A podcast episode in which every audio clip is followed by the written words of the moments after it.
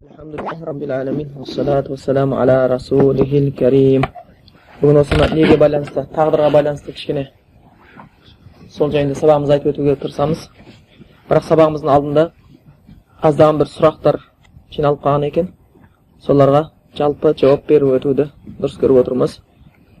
Жалпы жиі кездесетін сұрақтардың біреусі оған бірнеше рет жауап та бергенбіз, бірақ және жауап беріп кетуді дұрыс көріп отырмыз. Мына түске байланысты біреулер сондай түс көреміз дейді. Сол мазасыз жаман түстер. Соны не істейміз деген сияқты. Өткенде бір көлікте кетіп бара бір кісі түсті жори аласыз ба дейді.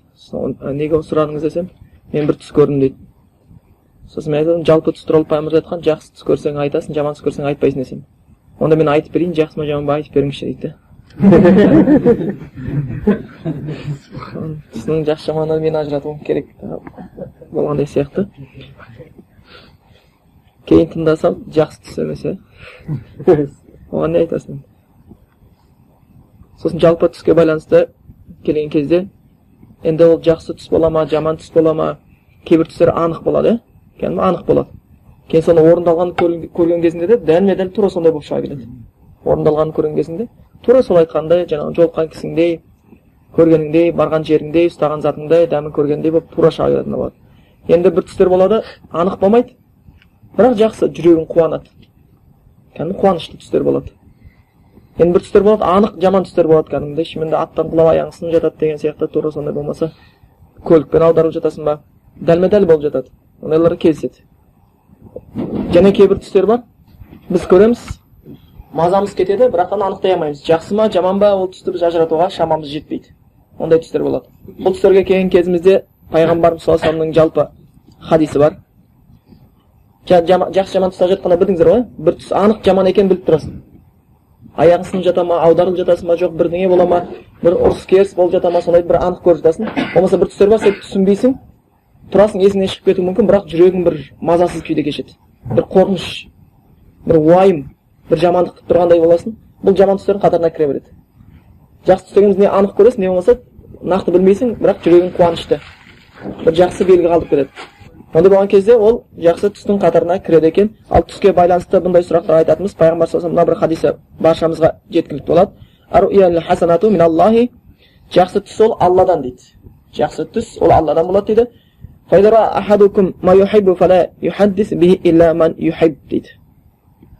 егер кімде кім бір ұнататын түс көрсе дейді оны тек қана ұнататын адамға ғана айтсын деген жақсы көретін адамына қана айтсын деп келген бұл жақсы көретін адамдардың қатарына сонымен қатар адам көбінесе жақсы адамды жақсы көреді. Иә адамды жақсы көре алмайды еш уақытта өсекші өтірікші аманатқа қиянат қылатын сөзінде тұрмайтын әрқашан жамандық ойлайтын адамға біреу дос болуы мүмкін.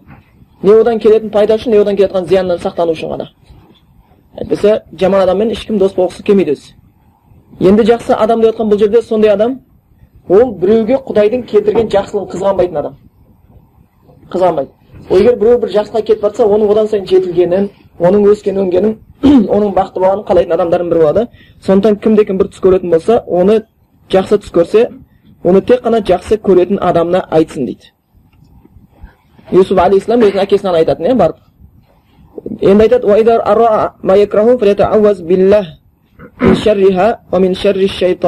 енді кімде кім бір жаман түс көретін болса дейді онда алладан пана сұрасын дейді. Ол түстің жамандығынан және шайтанның жамандығынан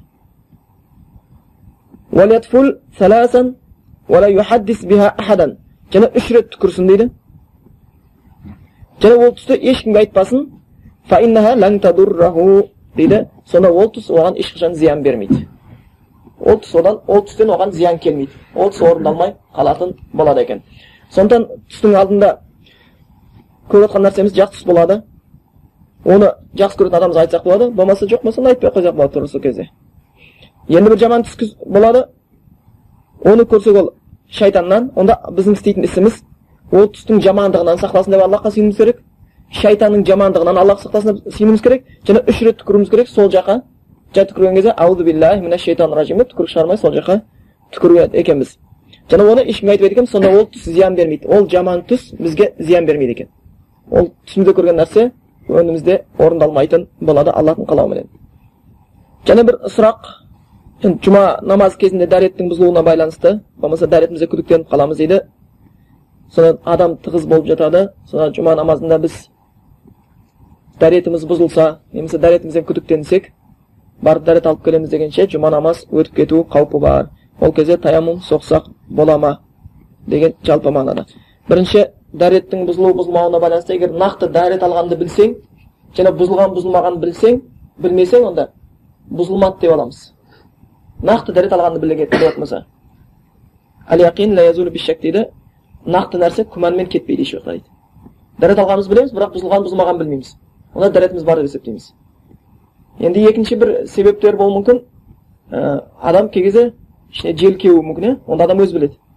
Кәдімгі жел кеуіп шықпай қалуы мүмкін сол уақытта енді ол егер әрдайым кездесіп жатқан ауру болатын болса ылғи жел тоқтамайтын ауру зәр тоқтамайтын ауру болатын болса ондай ол адамдар әр парыз намазға дәрет алады соныменен қалғанша намаз оқи береді былай айтқан кезде түскі намазға дәрет алса түскі намазын оқып алса ол асырға дейін соның арасында нәпіл намаздарында басқасын оқи алады сол дәретпенен енді оның дәреті келесі намаздың уақытысын кіруіменен бұзылады. Енді жаңағыдай бір жағдайда болатын болса ішіміз кеуіп болмаса бір тамақ жақпай қалып ондай жағдайда болатын болатын болса онда қатты күдік болатын болса күдікті кетіру керек. Күдікті кетіріп дәрет алған дұрыс болады. Ал енді жұма намазы кезінде жұма намазының тұсында дәретіміз бұзылып кеткен болатын болса таям соғып жұма намазын оқи алмаймыз барып дәрет алуымыз керек болады. Егер жұма намазы өтіп кетіп жатқан болса да. Ал жұма намазы өтіп кеткеннен кейін қайтадан жұма намазын оқи алмаймыз. Онда келесі намазымыз не болады зухр түскі намазды оқимыз кәдімгі сүннетін парызын зухр қалай оқылады сондай қылып оқимыз жұма намазына үлгерген адамдар жұма намазының соңғы ракатына үлгерсе ол үлгерген болып есептелінеді екі ракат иә екінші ракағатының рукуғына үлгерсеңіз онда сіз жұма намазына үлгерген боласыз сөйтіп жаңағы бір ракат қосып толық оқисыз да сіз зухр намазын оқымасаңыз болады егер жұма намазына егер бұған да үлгермей қалсақ онда зухур намазын оқиды екенбіз өйткені жұма намазы мешітте бір ғана рет оқылады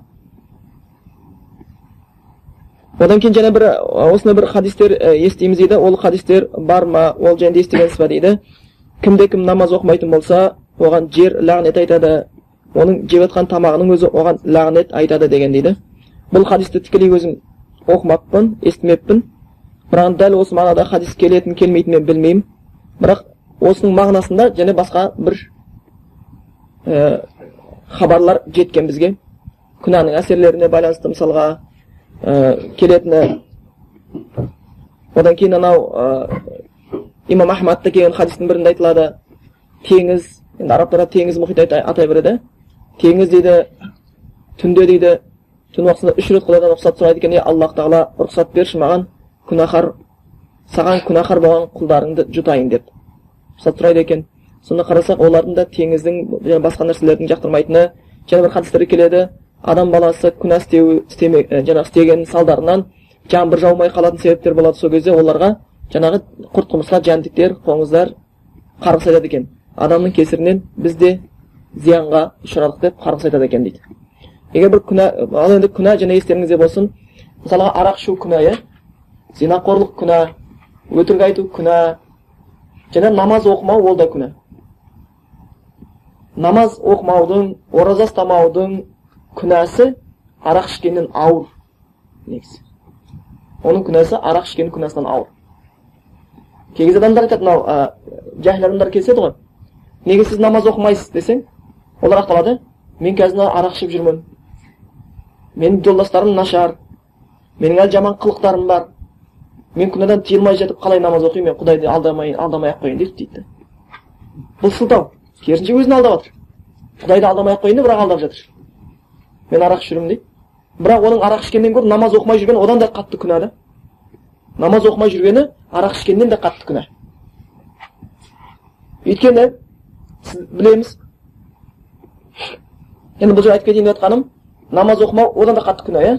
Сондықтан намаз оқымайтын болса біреу арақ ішкен адам күнәһар болып сол адамның істеген зинақорлығынан адамдардың арақ ішуінен жаңағы жер жұту айттық бір жер сілкіністері адамның бет бейнесі өзгереді деген хадистер бар иә сахи хадистерден бізге жеткен егер адамның сондай бір зинақорлық арақ ішу өлең тыңдау сияқты күнәларынан болатын болатын болса әлбетте құлшылық істемеу одан да ауыр күнә болатын болса онда ол үшін әлбетте жаңағы адамға зиян болмаса қарғыстар келуі әбден мүмкін ақ болып келеді деп құран айтып келеді ләнет қылушыларға ләнет етеді дейді ол жерде енді аллах тағала біледі кімдер ләнет ететінін сондықтан бұл жерде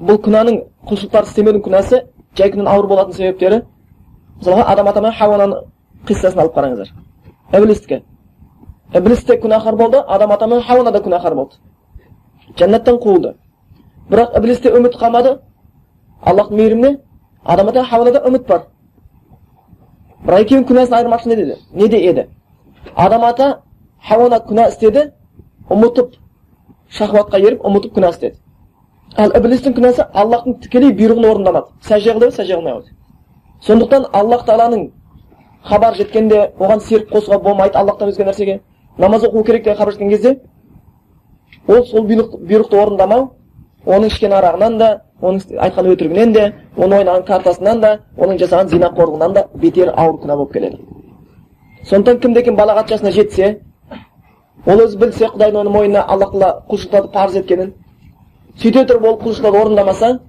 ол күнделікті бір рет арақ ішіп күнәһар болатын болса ол күніне бес рет намаздың уақытын өткізіп күнәһар болады отыз күн ораза ұстамай отыз күн күнәһар болады зекетін береді және күнәһар болады сондықтан оның күнәсі одан да ауыр болады сондықтан нақты жаңағыдай жер ләнет айтады тамақ ләнет айтады деген нәрсені хадистің өзін нақты білмедім бірақ шынымен де күнәнің себептерінен адамға зардап келетіні және оған ләнет айтылатыны туралы мағынада келген хадис басқа хадистер бар одан кейін жаңа бір сұрақ болғаннан кейін жәннаттағылар енді аллах тағаланы көреді дейді сонда дейді жәннат алланы алла менен жәннаттағылардың арасында жәннат тұрып қалған кезде адамдар аллах тағала бізді жәннаттан сақта деп сыйынады дейді алланы көру үшін. Осындай хадис бар ма дейді? Мен естімеппін ондай хадисті көрмеппін. Және бір сұрақ. Бұл жалпылар үшін айтылып кетеді. Арабтарда оны истимна деп қояды. Болмаса адату сиржи дейді бір жасырын әдет. Жаңағы ер кісінің өзінің шахуатын өз қолыменен қоздыруы сөйтіп ұрығын шығаруы. Осыны кейбір кітаптарда харам деген көреміз кейбір ғалымдардың рұқсат бергенін де айтылған дейді. Соның нақты жауабы дейді жумхурда бұл харам толық харам етілген. Кейбір кітапта естіліп қалған болса айтылып қалған болса да бұған бүкіл ғалымдар келіскені харам кәдімгі күнә есептелінеді. Өйткені кейбіреулер ә, бөлген дейді адам дейді мысалға шахваты қозып зинақорлыққа барғаннан көрі өзінің шахватын өзі қолымен сындырып тастап зинақорлықтан қорғағаны жақсырақ деген сондай бір фатуаларға сүйеніп жүремін бірақ ол нәрсе нақты дәлел емес. Өйткені оған бір құранда не суннада қолдайтын оны бір нәрсе таба алмаймыз. Бұл тек қана адам ой пікірі болып қалады. Сондықтан ол дәлел өте әлсіз болып келеді. Сондықтан жумхурда бұл харам болып есептелінетін керісінше құран аяттарына пайғамбарымыз хадистеріне қарайтын болатын болсақ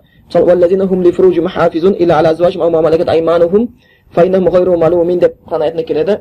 Олар өздерінің яғни ұятты жерлерін қорғайды бірақ әйелдерінен басқа айманның қол астындағылар жаңа иеліктеріне болған күндерден басқалардан яғни ұятты жерлерін қорғайды яғни зинақорлыққа бармайды деген сөз сонда оған баратын жерін аллах тағала көрсетіп тұр да өзінің неке қиған әйелі болмаса қол астында күні осыған ғана екі жол бар екенін көрсетіп тұр бұл нәрселерде яғни оған ешқандай айып жоқ дейді енді кімде кім осы көрсетілген нәрседен жаңағы өзінің некеленген әйелі болмаса қол күннен басқа нәрсеге баратын болса шахватпенен нәпсін қорғамайтын болатын болса ол нәрселерден олар шектен шығушылар деген олар шектен шығушылардың қатарына кіреді деген екен дейді сондықтан осы екі нәрседен бүкіл қалған нәрседің бәрін шектен шығушылық болады ол қолмен бола ма жоқ басқадан бола ма жоқ малға бара ма ол басқа нәрсе істей ма? Оның бәрі шектен шығушылық болады сонда харам болады.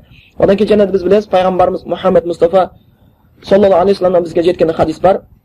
Ол хадисте пайғамбарымыз тылсым айтқан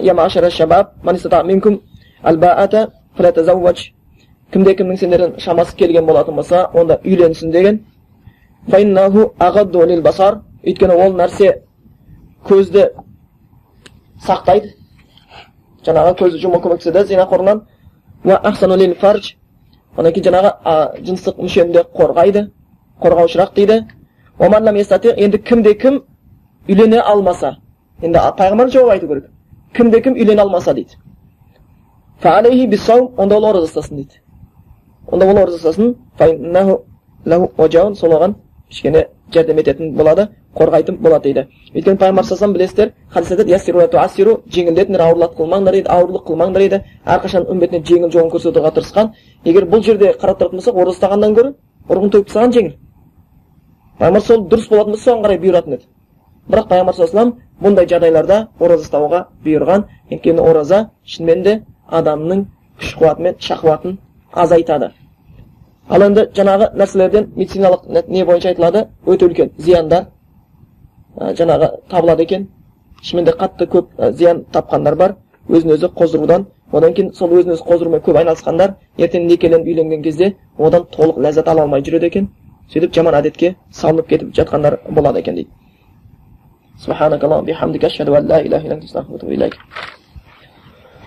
Енді тағдырға байланысты сабағымызды жалғастырмақшымыз. Осы тағдырға байланысты кей кезде білесіздер иманның біреусі иманда кейбір алты парыз бар деп келеді соның біреусі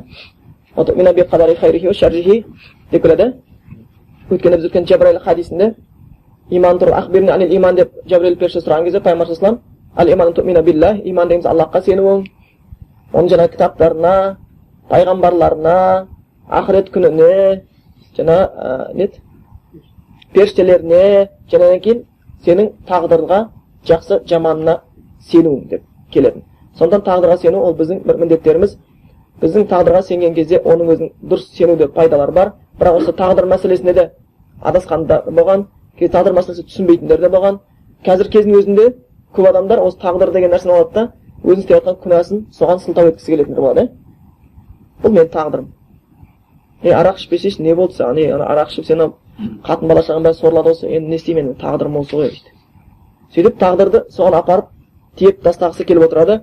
Сол үшін біреулерге тағдыр мұсылман үшін тағдыр иманын күшейту үшін керек. Біздің тағдырға иман келтіргенімізде бұдан біздің иманымыз күшейіп тәуекеліміз артып себептерді мықты санауға жетелеу керек. Амалдарымызға нақты болуға нақты болған.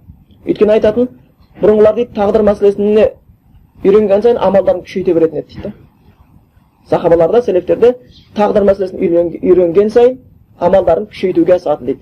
Ал қазіргі уақыттарда біз байқаймыз тағдыр мәселесін естіген сайын амалдарына бір әлсіздік енді тағдырда болған нәрсені көреміз. Не жасаса содан қашып жоқ деп сылтау етуге тырысып жатады екен. Сондықтан кейбір жахилдер үшін тағдыр деген мойындағы міндетті атқармай күнәларды істей беру үшін керек сияқты. Және өздерінің істеген күнәсін өзіміз істедік емес дейміз ертең тағдырға жаба салмақшы да. Біздің тағдырымыз сол енді. Біз арақ ішіп өткен болсақ тағдырымыз сол. Мен атеист болған болсам тағдырым сол. Намаз оқымасам менің тағдырым сол. Мен бүйткен болсам тағдырым сол. Бүйтіп отырсам тағдырым осы жазылыпты деп өздерінің қолы істеген күнәсында тағдырға жаба салғысы келіп отыр. Сөйтіп о дүниеде құтылып кеткісі келіп жатады. Сөйтіп тағдырды олар өздерінің мойнына салынған бір қылбұрау сияқты аяқтарына ілінген кісен сияқты көріп кәдімгі тағдырдың жетегінде ерген би қылып өздерін сондай бір ешқандай қолдарында күш қуат жоқ сияқты бүкіл айыптарын кемшіліктен сол тағдырға жапқысы келіп жатады. Ал кейбіреулер осы тағдыр мәселесін ұстанып келіп кішкене күмәнға салу үшін сұрақтар қоя бастайды. Жай адам бірінші қойған кезде шынымен жауап бере алмауы мүмкін. Айтады мысалға аллах тағала дейді бақытты болу бақытсыз болуды тағдырға жазып қояды дейді. Егер аллах тағала біреудің тағдырына бақытсыз деп жазып қойған болатын болса оны оны өзі бақытсыз қылып жаратып қойды да неге оны тозаққа азаптайды? Яки болмаса аллах тағала іблисті жаратты. Сөйтіп іблисті адамдарға үстінен бір азғырушы етіп қойды. Ол ібліс адамдарды азғырды. Сөйтіп сол іблістің азғыруына ерген адамдарды енді тозаққа неге салып азаптайды? Сол іблисті азғырушы қылып жаратқан аллах тағаланың өзі емес па осы сұрақтар келуі мүмкін. Иманы әлсіз адам болмаса білім толық жетілмеген кезде тағдырға иманы нақты болмаған кезде адамдар бұл сұрақтың алдында шынымен де сасқалақтап қалуы мүмкін яки болмаса айтуы мүмкін бір адам бар мүмкін намаз оқымайды ораза ұстамайды құдайға сенбейді бірақ жақсы адам көршісіне қиянат қылмайды өтірік айтпайды жаман жолмен жүрмейді ол тозаққа түсе ма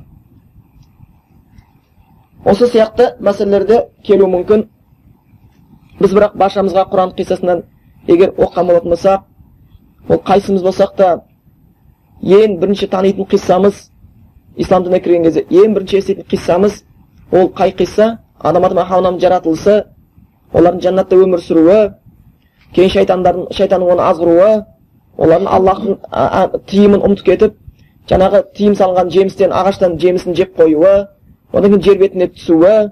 Сол кезде адам ата не деп айтады? аллах тағалаға е алла мен күнәні істеп қойдым маған шайтан істеткеннен деп айтып жауап берді ма е аллах сен менің тағдырыма жазып қойдың енді мен не істеймін енді неге мені жәннаттан қуып жібердің деп айтты ма қандай дұға қылған еді ربنا ظلمنا أنفسنا وإن لم تغفر لنا وترحمنا لنكونن من الخاسرين адам атаға хавламыздың жасаған дұғасы бізге бірінші болып сол кісілер үйретіп жатыр яғни өзінің істеген күнәсін аллаға шайтанға тағдыр етіп тастаған жоқ. Олар айтты я раббымыз заламна анфусана расында біз өзімізге өзіміз зұлымдық қылып қойдық. Қиянат жасадық өзімізге я алла енді бізді кешірмесең енді бізді мейіріміңе бөлемесең расында біз зиянға ұшыраушылардан болайын деп жатырмыз. Адам анамыз аллах иман келтірген. Сол күйінде өз кінәларын мойындай білген сонда қазіргі кезде сондай үлкен күнә істейді адамдар. Намаз оқымайды арақ ішеді зинақорлық қылады өтірік айтады. Бір сөйтіп соның кезінде бақытсыздыққа ұшырайды да соның бәрін енді тағдырым ғой дей салады да. Кешірім сұрауға да бармайды. Өзінің істеген күнәсін шайтанның мойнына тағдырдың мойнына аллахтың өзіне итере салғысы келеді сонда шынымен де және ә, тағдыр мәселесі сонымен қатар біз айта кетейік бұл имам ахмад айтады екен әл қадру құдратуллах құдратур рахман тағдыр дегеніміз мейірімді аллах тағаланың құдіреті дейді. Да аллахтың құдіреті. Сонда біз иман келтірген кезімізде тағдырға айтамыз аллах тағала қадир тағдырға иман келтірудің ішінде бізге не нәрселер кіру керек жүрегімізге? Аллах тағала бүкіл нәрсеге құдіретті. Қалағанын істеуші аллахтың қалағаны болады қаламағаны болмайды деген наным сенімдер біздің жүрегімізге кіру керек сондықтан тағдыр мәселесі сонымен қатар аллахтың сырры алланың құдіреті болғаннан кейін оны толық зерттеу мүмкін болмағаннан кейін сахабалар көбінесе тағдырға байланысты аят келсе хадис келсе соған тоқталып оны ары қарай зерттеп оны қазбалап неге олай демейтін жаңа бұл мәселеде қатты айналыспайтын өйткені олар білетін бұл min alamil ғайып дейді хафия өте жасырын бір істерден аллахтың бізге ғайыптарын етіп қойған әлемдерінен болатынын түсінетін сондықтан біз бұны білмейсің деп аллах тағала бір нәрсе айтқан болатын болса білдірткенінен басқа жоқ біле аламын деп ары қарай бұнымыз ол шынымен де біздерді қателіктерге жолықтыратын болып келеді екен расында бұл тағдырға иман келтіру керек біз айтқанымыз хазірет омардың баласы абдулла омар ол кісіге бір кісі келіп айтқан кезде бізде осындай бір мұсырада бір кісілер пайда болып жатыр тағдырға сенбейді құранды оқиды басқа бірақ тағдырға сенбейді ол кездейсоқ пайда болған нәрсе дейді аллах тағала тағдырды жазды тағдырда болатын нәрсені біледі сол тағдыр нәрсені жаратып қойды деген нәрсеге сенбейді дегенде ол айтқан барып оларға айтып барыңдар мен олардан алыспын олар менен алыс және оларға барып айтыңдар егер олар тағдырға иман келтірмесе егер олардың қолында ухуд тауындай алтын болатын болса сол алтынды аллахтың жолында садақа етсе онда одан ешқандай сауап таба алмайды тағдырға иман келтірмейінше яғни тағдырға иман келтірмейінше одан ешқандай сауап таба алмайды деп айтқанын жеткіз деген екен сондықтан бұл тағдырға иман келтіру біздің міндетіміз бірақ сол тағдырдың өзінде негізі мұсылмандар тобы үшке бөлінген жалпы әхлі суннаның тағдырға иман келтірулері бір тобы одан кейін және топ болған жабария деген олардың тағдырға иман келтіру қадария деп қояды жалпы осы тағдырға байланысты үшке бөлінген мұсылмандар жабария дегендер қадария дегендер болған жабария яғни өзі аты айтып тұр қазақта айтады ғой жәбірлеме деген сөз бар ма бұл арабтың сөзі зорлама иә бір нәрсе итермеле жабария дегендер олар айтады аллах тағала бүкіл нәрсені тағдырымызға жазып қойған әрбір әрекетімізді бізді жәбірлеп қойған біз егер намаз оқып жатсақ аллахтың қалауымен оқып жатыр жатырмыз оқымай қойсақ аллахтың қалауымен намаз оқымай жатырмыз бүкіл нәрсе аллах бізге істетіп жатыр деп бүкіл нәрсені тағдырды алладан деп пенденің қолында бір күш бар ау ықтияр бар деген пендедегі күшті ықтиярды таңдауды жігерді алып тастаған толығыменен бұлар жабария деген қауымдардан болған бүкіл тағдыр аллахтың қолында пенденің қолында ештеңке жоқ не істесе де аллахтың істеткені енді екінші топ болған олардың айтуы бойынша қадариялар өзі айтып тұр қадір яғни тағдыр дейміз қазақтарда. Алла бізді жаратты енді ары қарай шаруасы жоқ. Бүкіл тағдырды өзіміздің қолымызбен жасаймыз. Бүкіл тағдыр біздің өзіміздің қолымызбен істелініп жатыр. Біздің бақытты болуымыз да біздің бақытсыз болуымыз да біздің бір нәрсеге жетуіміз де жетпеуіміз де біздің намаз оқуымыз да оқымауымыз да бүкілі біздің өз ықтиярымызбенен сөйтіп аллахтың құдіретін тағдыр құдіретінен алып тастап оны бүкіл нәрсені тағдырдың егесі адамның өзі қылып қойып қойып жатқандар болады бірақ екеуі де қате. Әлі суннанікі осы екеуінің ортасы. Осылай деп түсініңіздер тағдыр мәселесінде. Тағдыр мәселесінде мұсылмандар үшке бөлінген. Біреулер тағдыр толық пендеге беріп қойған. Өзі ие деп. Екіншісі толық аллада пендеде ешқандай ие жоқ деп адамдағы ықтиярды таңдауды алып қойғандар болған. Ал әхлі суннанікі осының ортасында. Шектен шықпаған шектен түспеген. Сондықтан сүнна айтады расында аллах тағала бүкіл тағдырды жазып қойған әлем аспан жерді жаратпастан бұрын 500 жыл бұрын одан жаратпастан бұрын жаратып қойған. Кімнің не істейтінін біледі. Аллах тағала кімнің дозаққа түсетінін кімнің жәннатқа түсетінін біледі. Дозаққа түсетіндердің саны да жәннатқа түсетін саны да кемімейді артпайды. Оның бәрін біледі. Бірақ аллах тағала пендесіне сонымен қатар өзінің бұйрықтарын орындай алатындай күш жігер берген. Және таңдау ықтияр берген құран аятында сол жайында аяттар бар аллах тағала адам баласына шамасы келетін нәрсені ғана жүктейді деген яғни бізге бір шама берген бізге бұйрық берді соны істей алатындай бізге шама берген яғни және де бізге ықтияр берген сондықтан соған қарай осы ортасында болып келіп отырады екен ал тағдырдың жазылғанына байланысты көптеген хадистер бар бір хадисте келеді аллах тағала бүкіл жаратылыстың тағдырын аспандар мен жерді жаратпастан бұрын жазып қойған дейді және бір хадисте келеді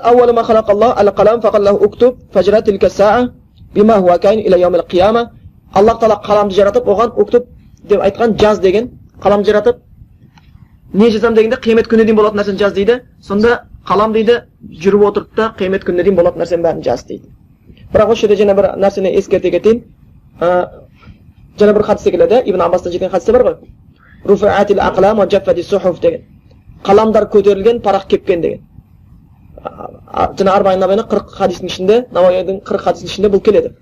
Білсеңіздер. Сонда қаламдар көтерілген парақ кепкен яғни тағдыр жазылып қойды деген сөз. Осы жерде қалам жазылу деген нәрсені біздің адамдардың жазуына ұқсатып қалмайық аллах тағала бұл қаламды жаратты да қалам деген кезде біздің ана карандашқа ұқсап нәрсені елестетіп қалып жүрмейік оны білмейміз бұл жерде қаламның да сипаты бізге белгісіз бұл жерде жазылған парақ па кітап па оның сипаты бізге белгісіз және оның қалай жазғаны ол да бізге белгісіз бірақ бізге белгілі нәрсе аллах қалам деген нәрсені жаратты аллах тағала оған жаз деді және ол жазды өйткені біз мына ол аллахтың ол жаңағы хадисте айтқан қалам емес хадисте айтқан кітап емес хадисте айтқан іс емес кей кезде өзіміздің өмірімізде де кей кезде бір жазуларды бір біріне ұқсата алмаймыз иә қазір сізге біреу айтса сенің айтып жатқан сөздеріңнің бәрі жүрегіме жазылып қалды десе ол карандаш салып жазып қойған жоқ қой дұрыс па жүрегіне олай елестетпейміз ғой дұрыс па не сақтадым деген сөз яки болмаса жер бетінде әрбір екі минут сайын жер сілкінісі болады ол жер сілкіністерін жер сілкінісін зерттейтін аппараттар жазып отырады десе. Ол әріппен жазып отырмайды ғой дұрыс па? Оның өзінің өлшем бірлігі бар. Сол сияқты әр нәрсенің өз жазуы бар. Судың үйімізде күнде көріп жүрген. Судың счетчигі бар. Газдың счетчигі бар. Тоқтың счетчигі бар. Бәрі бір біріне ұқсатып жазбайды дұрыс па? Біздің өзіміз жазғанымызда бір біріне ұқсай бермейді. Сондықтан бұл жерде қаламды бұл жерде дәптерді біз өзіміз ұқсатып қалмауымыз керек. Бірақтан бұл хадистен шығатын нәрсе аллах тағала тағдырды әуел бастан жаратып қойғандығы оны білетіндігі жазып қойғандығы. Және де біз білеміз енді біреу бір күнә істесе бұл тағдыр алланың сыры дедік иә аллахтың құдіреті. Бірақ аллах тағала адам баласына бір қандай да күш қуат берген бір істерді атқаруға және ықтияр таңдау берілген. Оның өзі адамның ықтияры адамның қалауы аллахтың қалауының астында. Дейді адамдардың қалауы аллахтың қалауының астында дейді және аллах тағала кей кезде бізге себептерден стануға да жол көрсеткен хадисте келеді тағдырды тек қана дұға өзгертеді екі болмаса садақа беріңдер ол өлімді жеңілдетеді бір апаттан құтқарады себептерді үйреткен құран келген сияқты дұшпандарға қарсы барша күш қуаттарыңды дайындаңдар шамаларың келгенше осы аяттар келген яғни бізге себептерге итермелеп жатыр аллах тағала тағдыр бітті жазылып қойған екен деп жалқаулыққа жетектемеуі тиіс екен яғни тағдырға сену дегеніміз амалды тастау деген сөз емес тағдырға сену дегеніміз шыныменде аллахтың құдіретін аллахтың білімін бағалау аллахтың сипатын одан сайын тани түсу яғни аллах тағаланың білмейтін нәрсесі жоқ аллах тағала әрбір болған нәрсені болатын нәрсені бәрін білуші деген нәрсесі ар жағында жатыр. Яғни тағдырға сену дегеніміз бізді жалқаулыққа итеру деген мағына бермейді соны түсінсеңіздер болды. Тағдырға сенуде тәуекеліміз күшею керек. Тағдырда сенуде себептерден ұстануымыз мықты болу керек. Тағдырға сенуде амалды тастауға тиіс емеспіз. Сондықтан тағдырға сенудің өзінің көптеген жемістері болған. Қаншалықты? Сахабалардың кезінде бізге қандай бір қиыншылық жетсе аллахтың қалауымен ғана жетеді сендерге ойбай дұшпандарың жинап жатыр деп ана пайғамбар саллаллаху кезінде ухуд соғысы болған кезде мұсылмандар жеңіліп кейін абу суфиян әскерін алып кетеді кейін пайғамбар саллаллаху қайтадан сахабаларын көтеріп олардың арттарынан қуады оған хабар жетеді абу суфиянға абу суфиян таң қалады жаңа бұлар талқандап кетеді бұлар қай жақтан күш қуат алып келе жатыр жүрегіне қорқыныш кіреді сөйтіп бұл да қорқытпақшы болады соғыстың тактикасы сондай иә қорқыту негізі сөйтіп адамдарды жібереді абу суфиян келіпті одан да көп әскер жинап сендерді құртайын деп жатыр екен сендерге одан да көп әскер жинап талқан деп жатыр талқандамақшы екен дейді сонда ол айтады бізге аллах жетеді аллах бізге көркем жәрдемші дейді аллахқа тәуекел етеді яғни тағдырымыз жазса соны ана көреміз тағдырымызда жазылған артық нәрсені көрмейміз бұлар қатты себепке де сүйеніп кеткен жоқ себепті де ұстанып жатыр арттарынан қуды және тағдырға да тәуекел етіп жатыр тағдырға тәуекел етіп жатыр сондықтан кей кезде тағдырға сеніп тәуекел ету бұл иманның күштілігін көрсетеді. Ал егер тәуекелді тастап қою иманның әлсіздігін көрсетеді. Себепті тастап қою ақылдың кемістігін көрсетеді. Соны екеуін қатар ұстап жүру мұсылманға қажетті істерден болып келеді екен. Және кей адамның бәрі тағдырда жазылған деп мен күнә істейін істемейін оған зиян келе ме келмей ме ол тағдырымдағы нәрсе деп тек жалқаулыққа баруға болмайды. Өйткені құран аятында бар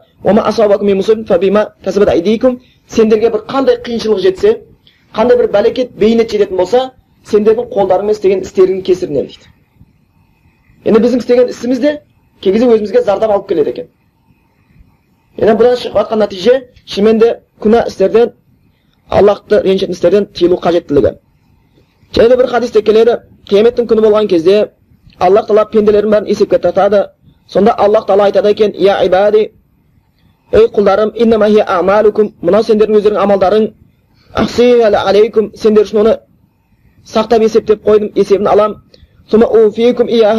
соған қарай жазаларыңды аласыңдар кім жақсылықты тапса аллахқа мақтау айтсын кім бір жаман істерді көрсе өзінің тағдырынан жаңағы кітабынан онда өзінен басқа ешкімді сөкпесін дейді тағдырды сөксін шайтанды сөксін мені сөксін демейді өзінен басқа ешкімді сөкпесін дейді сонда кей кезде бізге ықтияр бергеннен кейін істеген ісіміз үшін де аллахтың алдында сөзсіз жауап береді екенбіз сол үшін де құран аятында келеді әрбір адамдар ертең қияметтің күні болғанда тозаққа кіретіні тозаққа жәннатқа кіретіні жәннатқа кетеді тозаққа кіргендердің ешқайсысы сылтау іздемейді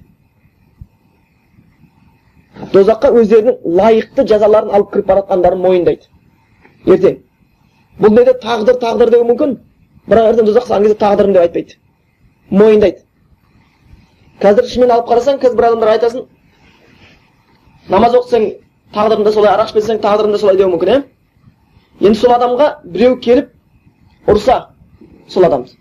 Екі болмаса мал дүниесін ұрласа әйел бала шағасына зорлық көрсетсе сосын адам қарап тұрмайды ғой. Ей сен неге бұны істеп жатсың деп одан сұрайды. Тыяды сонда істеп жатқан адам айтса мен тағдырым солай деп ұра берсе ары қарай мен тағдырым осылай жазып қойды деп әйелін қуалап жүрсе үйдің ішінде. Мен тағдырыма жазып қойды деп оның сандығын сүйреп алып кетіп бара жатса а тағдырың екен ғой деп отырар ма мойындайды ма сол кезде жарайды тағдырым ғой қайтейін енді алып кете бер сандығын бұндай кезде ол тағдырды көне салмайды ал енді құдай тағала намаз оқыған деп намаз оқы деп айтқан десе енді тағдырымызды көреміз де енді бұйырып тұрса оқимыз арақ ішпе десе енді тағдырыма жазып қойып не істеймін арақ солай іш деп жазып қойған да менің тағдырыма онда бұндай кезде өйтіп айтпайды онда тағдырға апарып сүй салғысы келеді яғни адамның шынымен де бір өзінің мойнындағы міндетінен көбінесе тағдырды не себеп қылады адамдар мойнындағы міндетін атқармау үшін себеп қылуға тырысып жүргендер болып табылады екен бұндай күйдегі иман тағдырға дұрыс иман болып есептелінбейді екен сол үшін бұл дүниеде біреулер істеген күнә үшін тағдырды себеп қылуы мүмкін бірақ ертең қияметтің күні болған кезде тозаққа түсетін тозаққа түскен кезде ешқайсысы тағдырды кінәламайды ешқайсысы шайтанды кінәламайды ешкім алланы кінәламайды өзінен басқа ешкімді кінәламайды аллах айтқандай өзінен басқа ешкімді кінәламасын деген сияқты өзінен басқа ешкімді кінәламайды оны біз табарат сүресінде де көреміз тозаққа түскен кезде не деп айтады әттең ай құлақ салғанда ғой аллахтың шариғатына аллахтың жіберген пайғамбарларының сөздеріне немесе ақылға келгенімізде ғой соны түсінгенімізде соны амал істегенімізде тозаққа түспейтін едік деп айтады дейді кетіп бара жатқан кезде тағдырымыз жазылды да кеттік тозақ деп айтпайды өз айыптарын өздері мойындаушылардан болады екен және хазірет омардың кезінде енді сахабалар тағдырға дұрыс иман келтірген кісілерден болған иә хазірет омардың кезінде бір ұрлықшыны алып келеді ұрлық істеген оның сол кезде жазасы бойынша қолы шабылу керек еді қолы шабуға алып келе жатқан кезде жаңағы ұры кісі не істерін білмей ақталғысы келіп хазірет омарға айтады сен менің тағдырымда жазылған нәрсе үшін мені кінәлайсың ба деп айтады менің тағдырымда жазылған үшін мені кінәлайсың ба деп хазірет омарға тіл қатады. Менің тағдырыма ұрлық жазылып қойған ғой. Мен соны істедім бар болған дейді. Енді менің қолымды кесесің ба дейді. Сонда хазірет омар айтады иә дейді бізде сенің тағдырыңдағы жазылу бойынша қолыңды кесеміз дейді. Тағдыр бойынша сенің қолыңды кесеміз сен тағдыр бойынша ұрлық істеген болсаң біз тағдыр бойынша қолыңды кесеміз дейді. Және де хазірет омардың кезінде бұл кісі жаңағы серіктерімен бірге шам қаласына барды шам қаласында сол кезде мына оба ауруы. Жұқпалы ауру бар ғой сол тарайды барса оба ауруы кейін хазірет омар ол жаққа кірмейді сөйтіп қайтадан кері қайта бастайды ол жақта оба ауруы сонда абу ибн жаррах деген айтады біз сол тағдыр тағдырдан қашқан сияқты болып қалмаймыз деген кезде оған хазірет айтқан екен алланың тағдырынан аллахтың тағдырына қашамыз дейді біз қалай жатырмыз тағдырдан қашпаймыз біз алланың тағдырынан аллахтың тағдырына қашып бара жатырмыз дейді алланың тағдырынан алланың тағдырына қашушы болып келеді екен. Сонда тағдырыма жазып қойды деп қарап отыра бермейді адам ауырса тағдырыма жазып қойды деп отырмайды емделеді. Өйткені тадау деп келеді. Пайғамбар айтқан ем дәрі іздеңдер дәріленіңдер деген. Харам бірақ харам нәрсемен дәріленбеңдер деп айтып кеткен. Жаңа бір хадисте келеді аллах тағала қандай бір ауруды жіберген болатын болса оның емінде дәрісінде жіберіп қойған.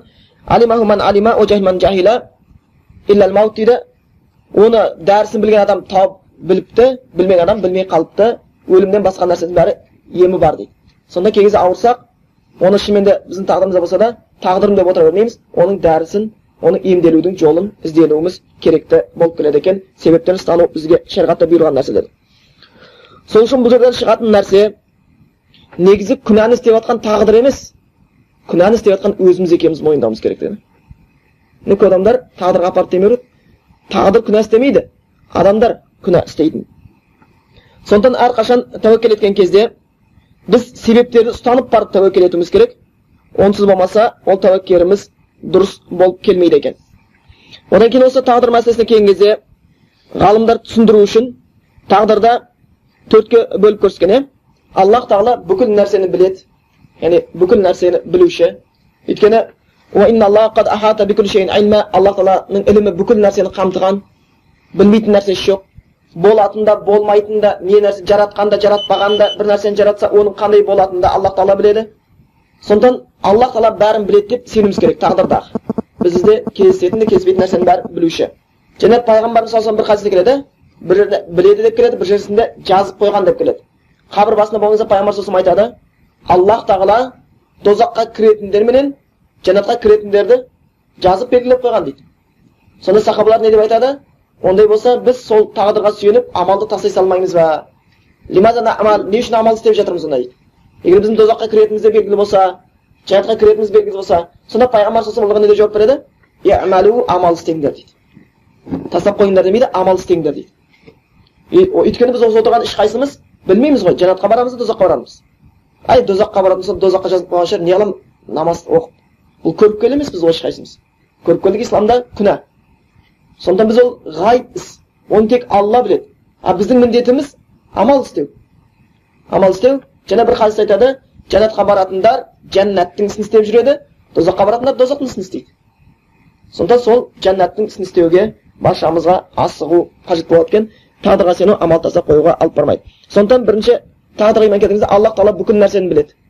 Не істейтінімізді не істегіміз келіп жатқанын аллах тағала бәрін біледі аллахтың ілімінен тысқары нәрсе жоқ тағдырда біздің істейін жатқан ісіміздің біреусін аллах білмей тұрған жоқ екінші аллах тағала ол нәрсенің бәрін жазып қойған біз бүкіл нәрсені бір, ашық бір кітапта жазып қойғанбыз дейді жаңағы жоғарыда хадисте аллахтың бірінші айтқаны қалам оған жаз деді ол жазды қиямет күнінде болатын нәрсе дейді сонда ол жазылып қойғанына иман келтіруіміз керек одан кейін аллахтың жаратуы алла тағала сол нәрсенің бәрін жаратып қойған біздің істейтін ісімізді де жаратып қойған істеу үшін де жаратып қойған істейтін ісімізді де аллах тағала жаратып қойған бізге сол істейтін ісімізге қарай бірақтан ықтиярмен күш қуат берген одан кейін аллахтың машиятулла аллахтың бүкіл қалауымен ғана болады бүкіл нәрсе тағдырда аллахтың қалауынсыз ешнәрсе болмайды сондықтан кей кезде бұл және иманды күшейтетін нәрсе қандай бір нәрсе болмасын аллахтың қалауынан тысқары болмайтынын білсек біз өзімізге қуат табамыз одан кейін кей кезде жұбаныш табамыз мысалы құран аятында келеді сендерге дейді жерде не болмаса өздеріңде бір қандай бір қиыншылық жетсе мүмкін жаңбыр жаумай қала ма жер сілкіне ма су таси ма бір әйтеуір жердегі бір қиыншылық болсын өздеріңде ауру бола ма кедейшілік бола ма қандай бір уайым бола ма сол өздеріңде болатын болса дейді аллах та олардың бәрін жаратпастан бұрын оның бәрін кітапқа жазып қойған дейді. Жаратпастан бұрын оның бәрін жазып қойған дейді. Енді бұл нәрсе жазылып қойған. Не үшін? Өткен нәрселерге өкінбеулерің үшін. Тағдырға иман келтіру және бір пайдасы біздің өтіп кеткен нәрсеге өкініштен сақтайды. Өкініштен сақтайды. Және бір хадисте келеді. Егер бір іс болатын болса айт дейді аллахтың тағдыры. Қалағанын жасады. Егер деген сөз айтпа дейді бір іс болып кеткен екен. Егер мен былай қылғанда былай қылғанда былай қылған деп болатын айтады айтпа дейді. Өйткені ол нәрсе шайтанға жол ашып береді дейді. Сондықтан біз алдағы іске көп тәуекел етіп отырып өкінішке түспеу үшін көмектеседі. Екінші және құдайдың сендерге бергенімен мақтанып кетпеулері үшін дейді. Бұл тағдыр құдайдың бізге бергенімен мақтанып кетпеу үшін. Қазір біреудің айтайық бір үйі бар машинасы бар жақсы киімі бар бір материальный жетістікке жетті дейік ол өзінің мықтылығына емес ол тағдырына жазып қойған міне мен мықтымын сен әлі етің жамай, жамай алмай жүрсің деп біреудің алдында мақтануға болмайды өйткені ол аллахтың қалауыменен жазуыменен бекітілген нәрсе болып келеді екен сондықтан өкінбеу үшін және де мақтанып кетпеу үшін одан кейін шын тәуекел ете білу үшін және әрқашанда аллахқа сүйену үшін бізге иманымызды қуаттану үшін бұл тағдыр мәселесі керек болып табылады екен сонда осы тағдыр мәселесіне келген кезде енді жалпы біздің тағдыр мәселесіне келген кезде айттық бір ілім қуушы кісі бір үлкен шейх бір айтады осы тағдыр мәселесін терең білу үшін мен көптеген хадисті оқи бастадым көптеген жаңағы аяттарды қарай бастадым тереңірек нақты білу үшін дейді шатаспау үшін бірақ оқыған сайын шатаса бастадым дейді сонда оған шейх айтқан екен пайғамбар айтқан еді ғой тағдыр мәселесінде тереңге түспеңдер деп әлбетте шатасасың деген екен дейді сондықтан біз оған егер бір хадис келетін болса бүкіл нәрсе аллахтың қолында деген тура солай сенуіміз керек. Бір хадис келетін болатын болса тағдырды дұға өзгертеді дейтін. Ол солай сенуіміз керек. Бір хадис бір хадисті жоққа шығарушы емес. Керісінше бір хадис біздің тәуекелімізді күшейтеді. Бір хадис бізді себептерге жүгіндіреді. Бір хадис біздің амал істеуімізге қызықтандыратын болып келеді екен. Соны ол хадис өзімізге пайдалы жағында болу керек. Бір хадисті бір хадиске ұрып біреуін жоққа шығарып тағдыр мәселесінде адасуға алып бармау керек. Сондықтан жоғарыда айтып кеткеніміз сияқты біз тағдырға иман келтірдік дегеннен кейін одан шығатын нәтижеміз алатынымыз шынымен де бүкіл құдірет аллахтың қолында аллахтың қалаған нәрсесі болады аллахтың қалаған маған нәрсесі болмайды деп бекітуіміз және де тағдыр мәселесін жоғары кеткен сияқты үшке бөлінген топ біреу толық тағдырды адам өзі жасап алады дегендер болған біреулер адамның қолында ешқандай тағдыр жоқ ешқандай ықтияр жоқ дегендер болған бірақ әхлі сүнна осының ортасында. Расында бүкіл таңдау құдірет аллахтың қолында бірақ адамға қандай да бір күш пен ықтияр берген. Қандай да бір күш пен ықтияр берген. Және бүкіл себептерден ұстануға бізді жетектеген. Бірақ және айтып кететініміз себептер барлық нәрсені шеше береді деп ойлап қалмайық себептің өзі де біздің ықтиярымыз да біздің күш қуатымыз да аллахтың күш қуаты мен ықтиярының астында болып есептелінеді екен. Оған белгі болу үшін бізге алла айтайық мысалға біз айтамыз дүниеге бала келу үшін не дейміз? Себеп ер кісі мен әйел кісі үйлену керек дейміз иә расында себеп сондай. Бірақ әрқашан бұл қатып қалған себеп емес. Бұл аллахтың қалауымен болып жатқан себеп деп түсінуіміз керек. Өйткені аллах тағала бүкіл құдірет өзінің қолында екен. Түсіндіру үшін аллах не істеп қойған? Ер кісісіз де әйелсіз де адамды жаратқан еді адам атаны адам атан дүниеге келу үшін әйел мен еркек үйлену қажет болған жоқ қой дұрыс па?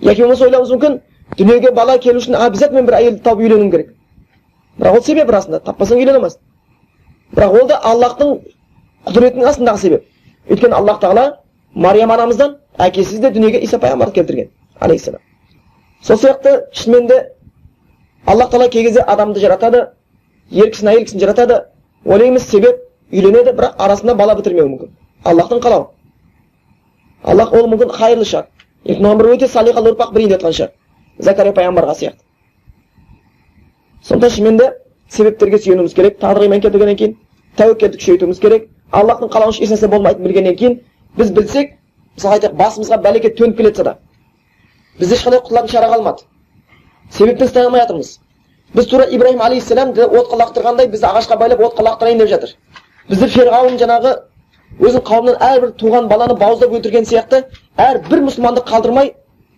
әрқайсысын жеке жеке тауып үйінен шығарып бауыздап тастаймыз деп жатыр. Онда аллахқа тәуекел етеміз тағдырға сенеміз. Аллахтың қалағанынан артық нәрсе болмайды. Мен тағдырыма не жазылса соны ғана көремін аллах құтқарды ибраһим алейхисаламды аллах тағала сондай ферғауынның қасында мұса алейхисалам дәл ферғауынның өзінің қорасын өсіріп қойды да өлтіремін деп жүр бірақ өзі өсіріп шығарды соны. Өзі өсіріп шығарды мұхаммед жаңағы мұса пайғамбарды сондықтан аллахтың құдіреті бәрінен жоғары екенін бұл тағдыр аллахтың құдіреті екенін тану біздің иманымызға күшейтетін нәрсе болу керек керісінше әлсірететін нәрсе болмау керек одан кейін бізді құлшылыққа жетелейтін нәрсе болу керек бізді құлшылықтан қалдыратын нәрсе болмау керек алла баршамызға рахмет